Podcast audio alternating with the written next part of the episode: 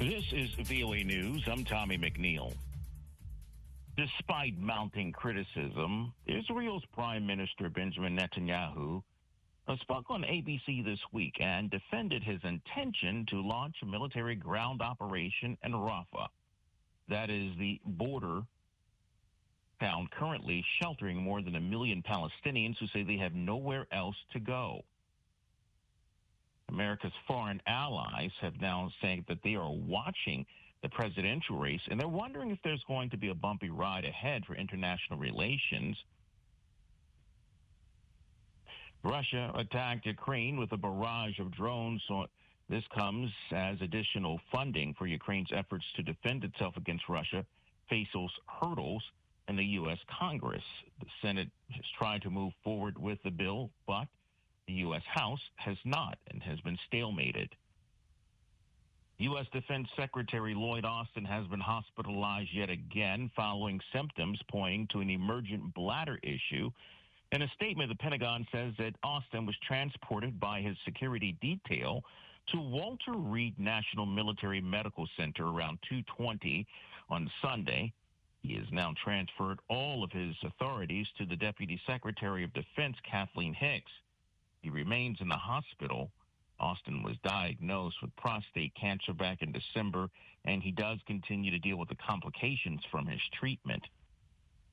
Police say that a woman opened fire with a long gun inside celebrity pastor Joel Osteen's Texas megachurch before she was being had been gunned down by two off-duty police officers who confronted her. A young child was accompanied by the woman. More at voanews.com. This is VOA News.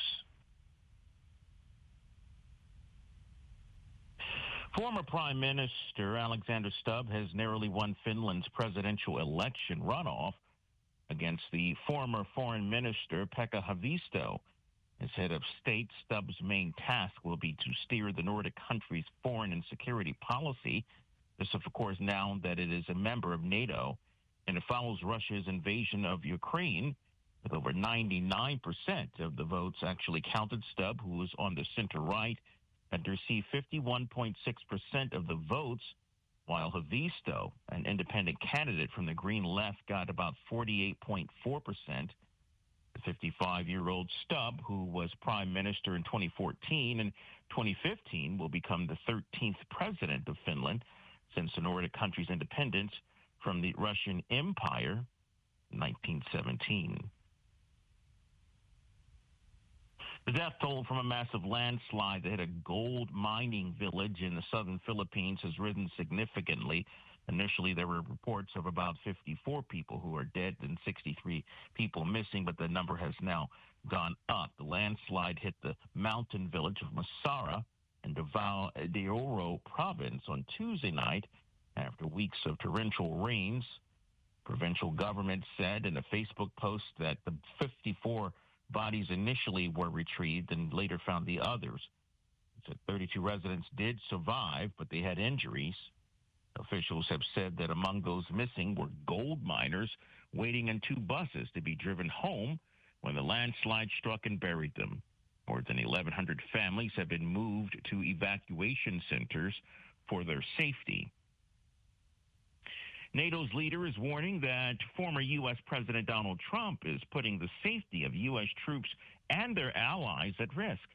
The alliance's Secretary General Jens Stoltenberg issued a statement on Sunday after the Republican presidential frontrunner said Russia should be able to do whatever the hell they want to alliance members who don't meet their defense spending targets.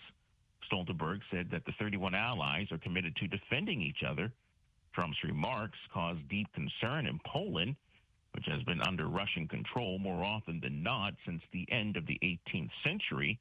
The Polish Prime Minister Donald Tusk called for European NATO members to increase the defense spending. Police say that a woman in a trench coat opened fire with a long gun inside celebrity pastor Joel Osteen's Texas megachurch before she was gunned down by two off-duty police officers. You'll find more at voanews.com. I'm Tommy McNeil, VOA News.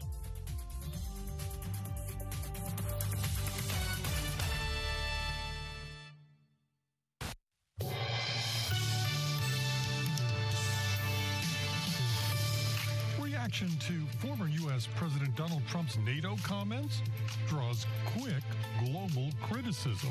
Let's be serious. NATO cannot be uh, a la carte military alliance.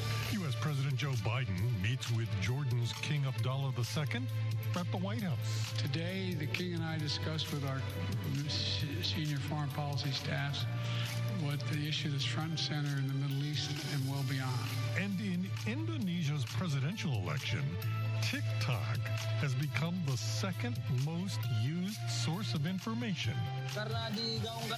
As it seems nowadays, people prefer a happy campaign model, which includes dancing. Today is Tuesday, February 13th, and this is VOA's International Edition.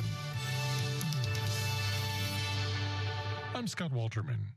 Donald Trump's claim that he once told a NATO ally that he would encourage Russia, quote, to do whatever the hell they want, unquote, to delinquent members of the group sent shockwaves through Europe. Reaction was swift and triggered a rare rebuke from NATO Secretary General Jens Stoltenberg.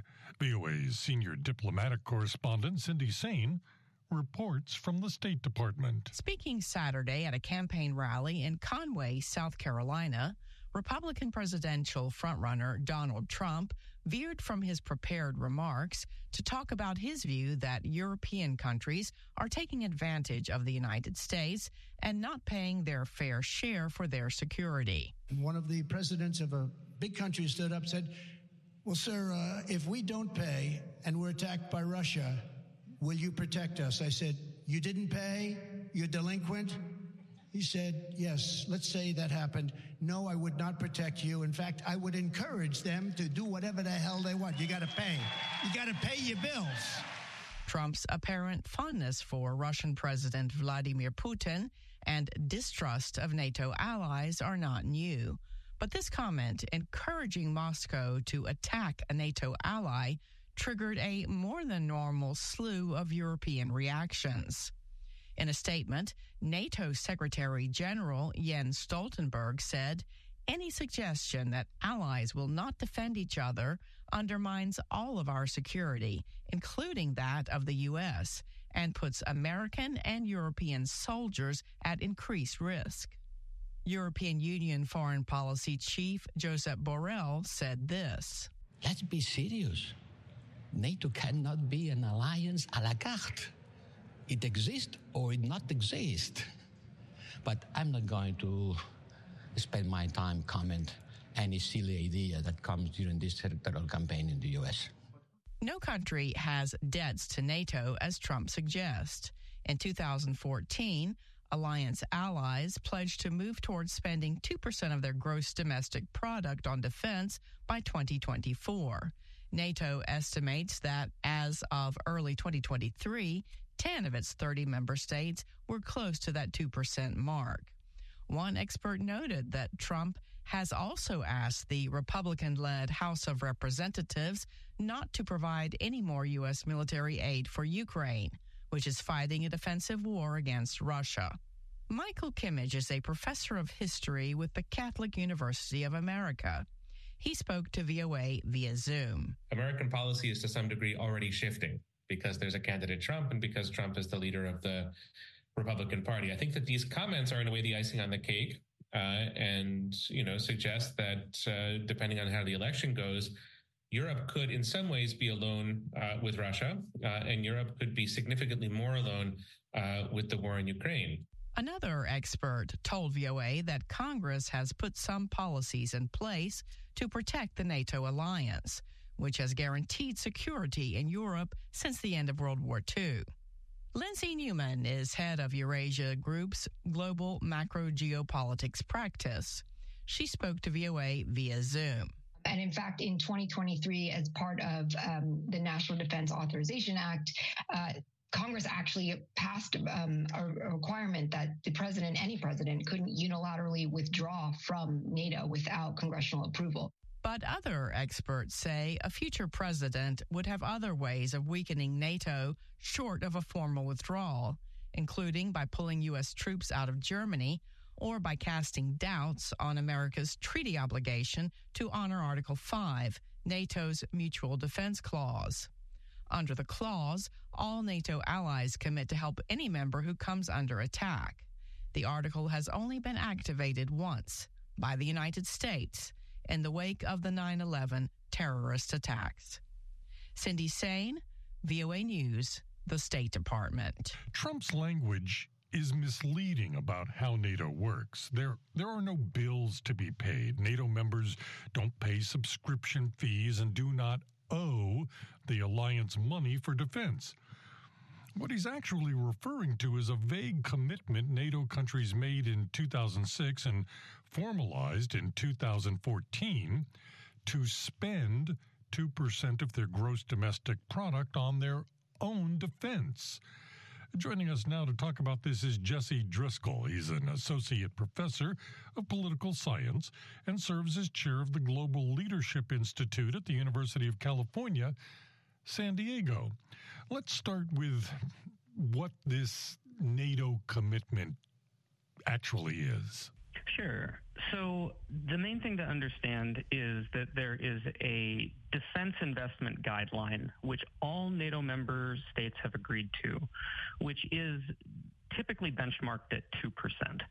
Uh, and you can take this back to 2006, but it's the sort of thing that gets ceremonially agreed to every year. And since the most recent full scale invasion of Ukraine, it has certainly been reiterated uh, by all of the allies that 2% of GDP will be spent on defense. The idea is that there's recognition that there have been shortfalls in the past, but now in the future, going forward, everyone in the alliance is going to pay 2% so that it's not the United States picking up the slack for European countries um, subsidizing their welfare states, but not actually investing in their own defense and security. That's the criticism. And and to that root. point, to be fair, uh, he's not wrong. There are countries, big countries like Germany, which is the most robust economy in Europe, that does not spend two percent of their GDP on defense. Yes, that is correct. And I think that he's also, if we're going to be fair, channeling the frustration of a lot of people who have watched Europeans essentially sit by and watch the United States draw down its entire stock of 155 artillery munition, giving it to Ukraine, and missing key decision points that might have been not blown through that would have allowed more burden sharing within the alliance. The reason that the alliance uses standard interoperable weapons is precisely so that it's not necessarily the United States' munition that is being used in any NATO war. It could be French, it could be anyone's. And some of these countries do have, in principle, large defense industrial bases that could have been put to work keeping Ukraine resupplied. And so um, you know, the the issue, the underlying issue here is that there is an expensive war in Europe, and a lot of people in the Republican Party are frustrated that our European allies are not spending more aggressively to enable Ukrainian resilience. Now, they're doing a lot of other things, and I don't think the criticism is entirely fair, as stated, but I think that's the heart of the frustration and the criticism. Well, it's also a mindset of, you know, isolationism, but that's another story. The thing that really triggered this latest round of angst was his comments that um, if you're not spending 2% of your GDP on defense and you get attacked by Russia, I'm not coming to your aid. Yes. And of course, that's the kind of inflammatory statement that forced uh, a strong response, an institutional response that now he gets to run against. is the um, is, is the frustration on the part of not only our soldiers and sail- sailors um, who feel that he's making American defense uh, commitments less credible in the future and undermining American deterrence, which puts all of us at risk. But more than that, um, it's really disrespectful to um, and, and shows a deep misunderstanding of the alliance structures that are the centerpiece of American grand strategy. And the national security strategy is quite clearly quite clearly states that um, our allies and partners are the center of gravity for American national security in the future. Trump behaves as if that is not true, but it is true, and it will remain true. And just to sort of explain why not coming to the aid of a NATO ally is problematic. Well, well NATO, is a, just... NATO, NATO, NATO, is a is a mutual defense uh, alliance. The the nature of the alliance is that you will have uh, Article Four and Article Five, Article Four and Five consultations uh, if any member is attacked, and the sacredness of the pledge, the idea that Biden is capable of saying and making it credible that we will defend every inch of NATO territory, depends on a belief that the United States and other NATO allies will actually do that. I mean, recall that when the United States was attacked on September 11th, NATO consulted and said a NATO member has been attacked. And then NATO went into Afghanistan. It wasn't the United States going in alone. We were attacked and a lot of people say that was NATO's finest hour. Jesse Driscoll, chair of the Global Leadership Institute at the University of California, San Diego. President Biden has welcomed Jordan's King Abdullah to the White House for talks on how to end the months long war in Gaza and plan for what comes afterward. As the King and I discussed today, the United States is working on a hostage deal between Israel and Hamas which would bring an immediate and sustained period of calm to Gaza for at least six weeks, which we could then take the time to build something more enduring. Taking the lectern after Biden spoke, Abdullah renewed his appeal for a broad ceasefire. The situation is already unbearable for over a million people who have been pushed into Rafah since the war started. We cannot stand by and let this continue, we need a lasting ceasefire now. This war must end. Before embarking on a tour of Western capitals, Abdullah participated in an airdrop of humanitarian aid to Gaza, a move that highlighted his kingdom's role in pushing Israel to stop restricting efforts to fend off illness, hunger, and starvation in the Strip. Hamas is a U.S. designated terrorist group.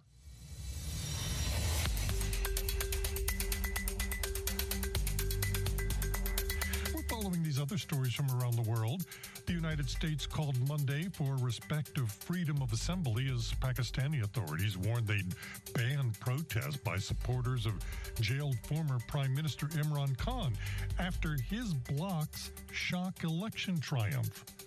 However, because they're designated as independents, they can't form a government, raising fears of prolonged political uncertainty. Video has emerged of a meeting between Brazil's then president, Jair Bolsonaro, and his cabinet urging action in the face of a potential victory by his challenger, Luiz Inácio Lula da Silva, in the 2022 presidential election. The video was released by Brazil's Supreme Court, recorded months before that election. A Canadian Russian woman on Monday pleaded guilty in a U.S. court to money laundering conspiracy for her role in a multi million dollar scheme to send drone and missile components to Russia for military use against Ukraine. The U.S. Justice Department said she laundered money on behalf of several Brooklyn front companies to ship U.S. origin electronics to sanctioned entities in Russia. A new bill allowing authorities to confiscate the property of Russians convicted of deliberately spreading what is deemed as fake news about Russia's armed forces could soon become law. If signed into law, it would also allow the state to seize the property of Russian emigrants who criticize the war in Ukraine. Katarina Besedina has the story narrated by Anna Rice. Russian President Vladimir Putin is expected to sign into law a bill that would allow the government to confiscate the property of people whom it convicts of deliberately spreading false news about Russia's military. законопроекта о негодяях и предателях. Vyacheslav Volodin, chairman of Russia's State Duma, says the law will punish scoundrels and traitors who have betrayed Mother Russia and are living abroad and receiving revenue by renting out their property. Other offenses that could lead to asset confiscation include failing to comply with an order, deserting the military, calling for sanctions to be imposed on Russia, and participating in the activities of an undesirable organization. Russian opposition leader Dmitry Gudkov says the law can be interpreted however the government wants. He says it was passed to make sure people are afraid to rally, afraid to vote for anyone but Putin, or protest Putin's rule. Former Duma deputy and opposition leader Dmitry Gudkov is now a wanted man in Russia for criticizing Russia's invasion of Ukraine. Gudkov, who has not lived in the country for several years, says he got rid of his property in Russia, but other anti government minded people were not so lucky. He says when the war started, many people who disagreed with the authorities and disapproved of the war left the country. And obviously, many of them haven't had time to sell their property in Russia. And they are the ones who'll be targeted. According to OVD-Info, an independent Russian human rights media project, about 830 people have had cases brought against them for their anti war position in Russia. About one third of these cases involve charges of spreading false information about the army. John Herbst, senior director of the Atlantic Council's Eurasia Center, says the measure is just an attempt to hide the truth about Russia's war crimes. The Russian government wants to project a myth about the Russian army's activities in Ukraine. They want to deny the war crimes. They want to hide the failures. And so they will punish people who um, break those myths. Andrew Wood, an expert on Russian policy at London based Chatham House, says it's important that the authorities create an illusion of mass support for Putin. Opinion in Russia of the futile uh, achievements that they had from the war and the reasons that it's, it started, um, like complaints of, of, of uh, people who have relatives or husbands or whatever at the front um, against what is being done, it's increased.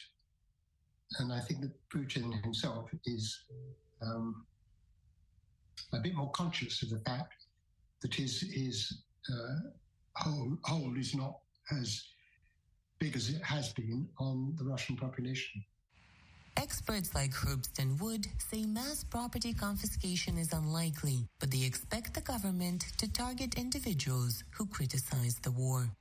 For Katerina Besedina in Washington, Anna VOA News.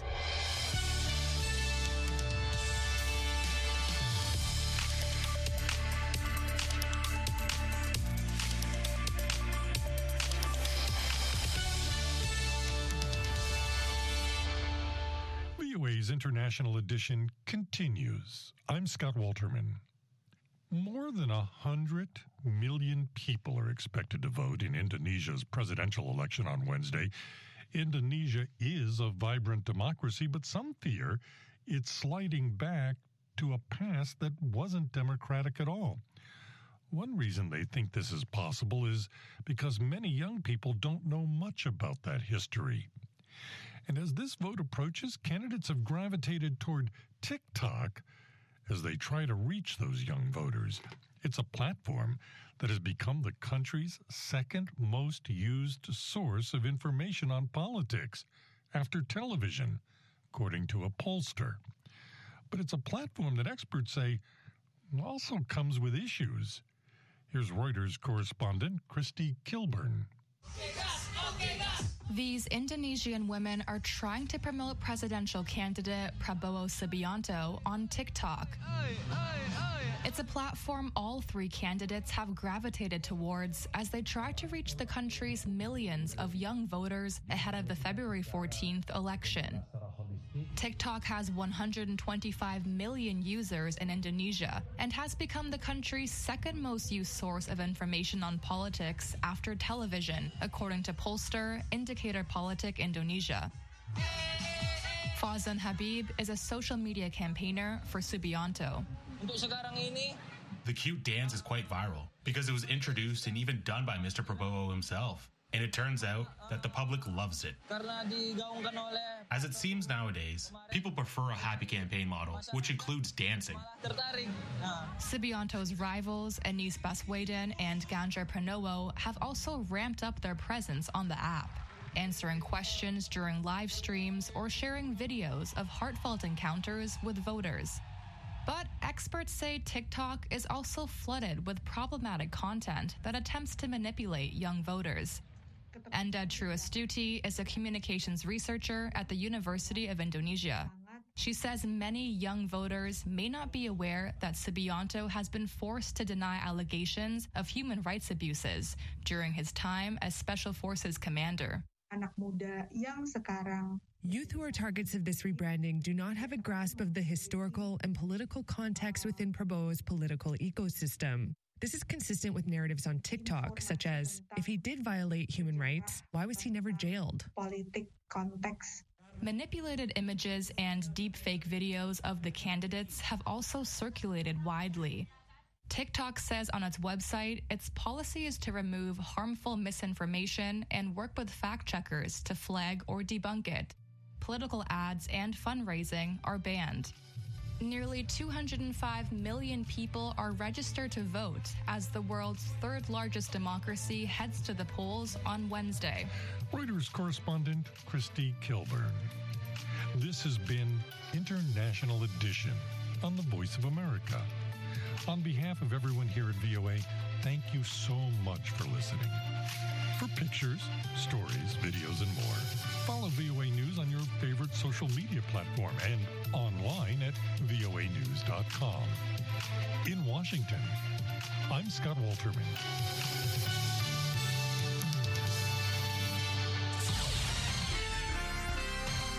Next, an editorial reflecting the views of the United States government. At a recent UN Security Council briefing on threats to international peace and security, cynically called by Russia, UN Undersecretary General for Political and Peacebuilding Affairs Rosemary DiCarlo said that since February 2022, the UN Office of the High Commissioner for Human Rights has reported 30,041 civilian casualties in Ukraine, with 10,382 killed, including 579 children. She noted that the number of civilian casualties significantly increased in December and January.